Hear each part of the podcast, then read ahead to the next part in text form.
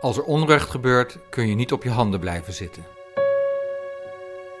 We moeten openlijk gaan publiceren wat er allemaal bestuurlijk om ons heen voor schande gebeurt. De Delftse student Mom Wellestein voegde in 1941 de daad bij het woord. Hij publiceert een pamflet tegen de Duitse bezetter. Hij wordt opgepakt. Wellenstein, met. Maar ze hebben geen bewijs. Toch zit hij twee maanden in het Oranje Hotel.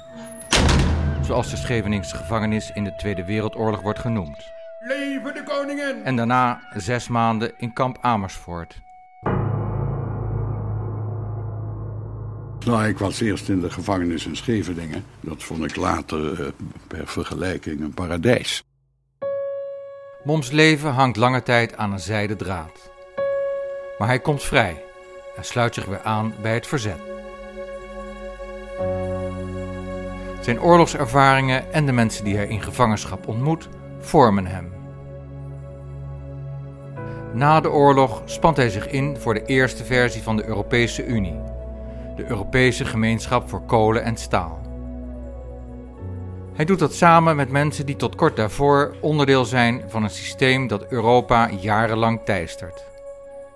Dit nooit meer is hun motto. Nooit meer, jamais plus.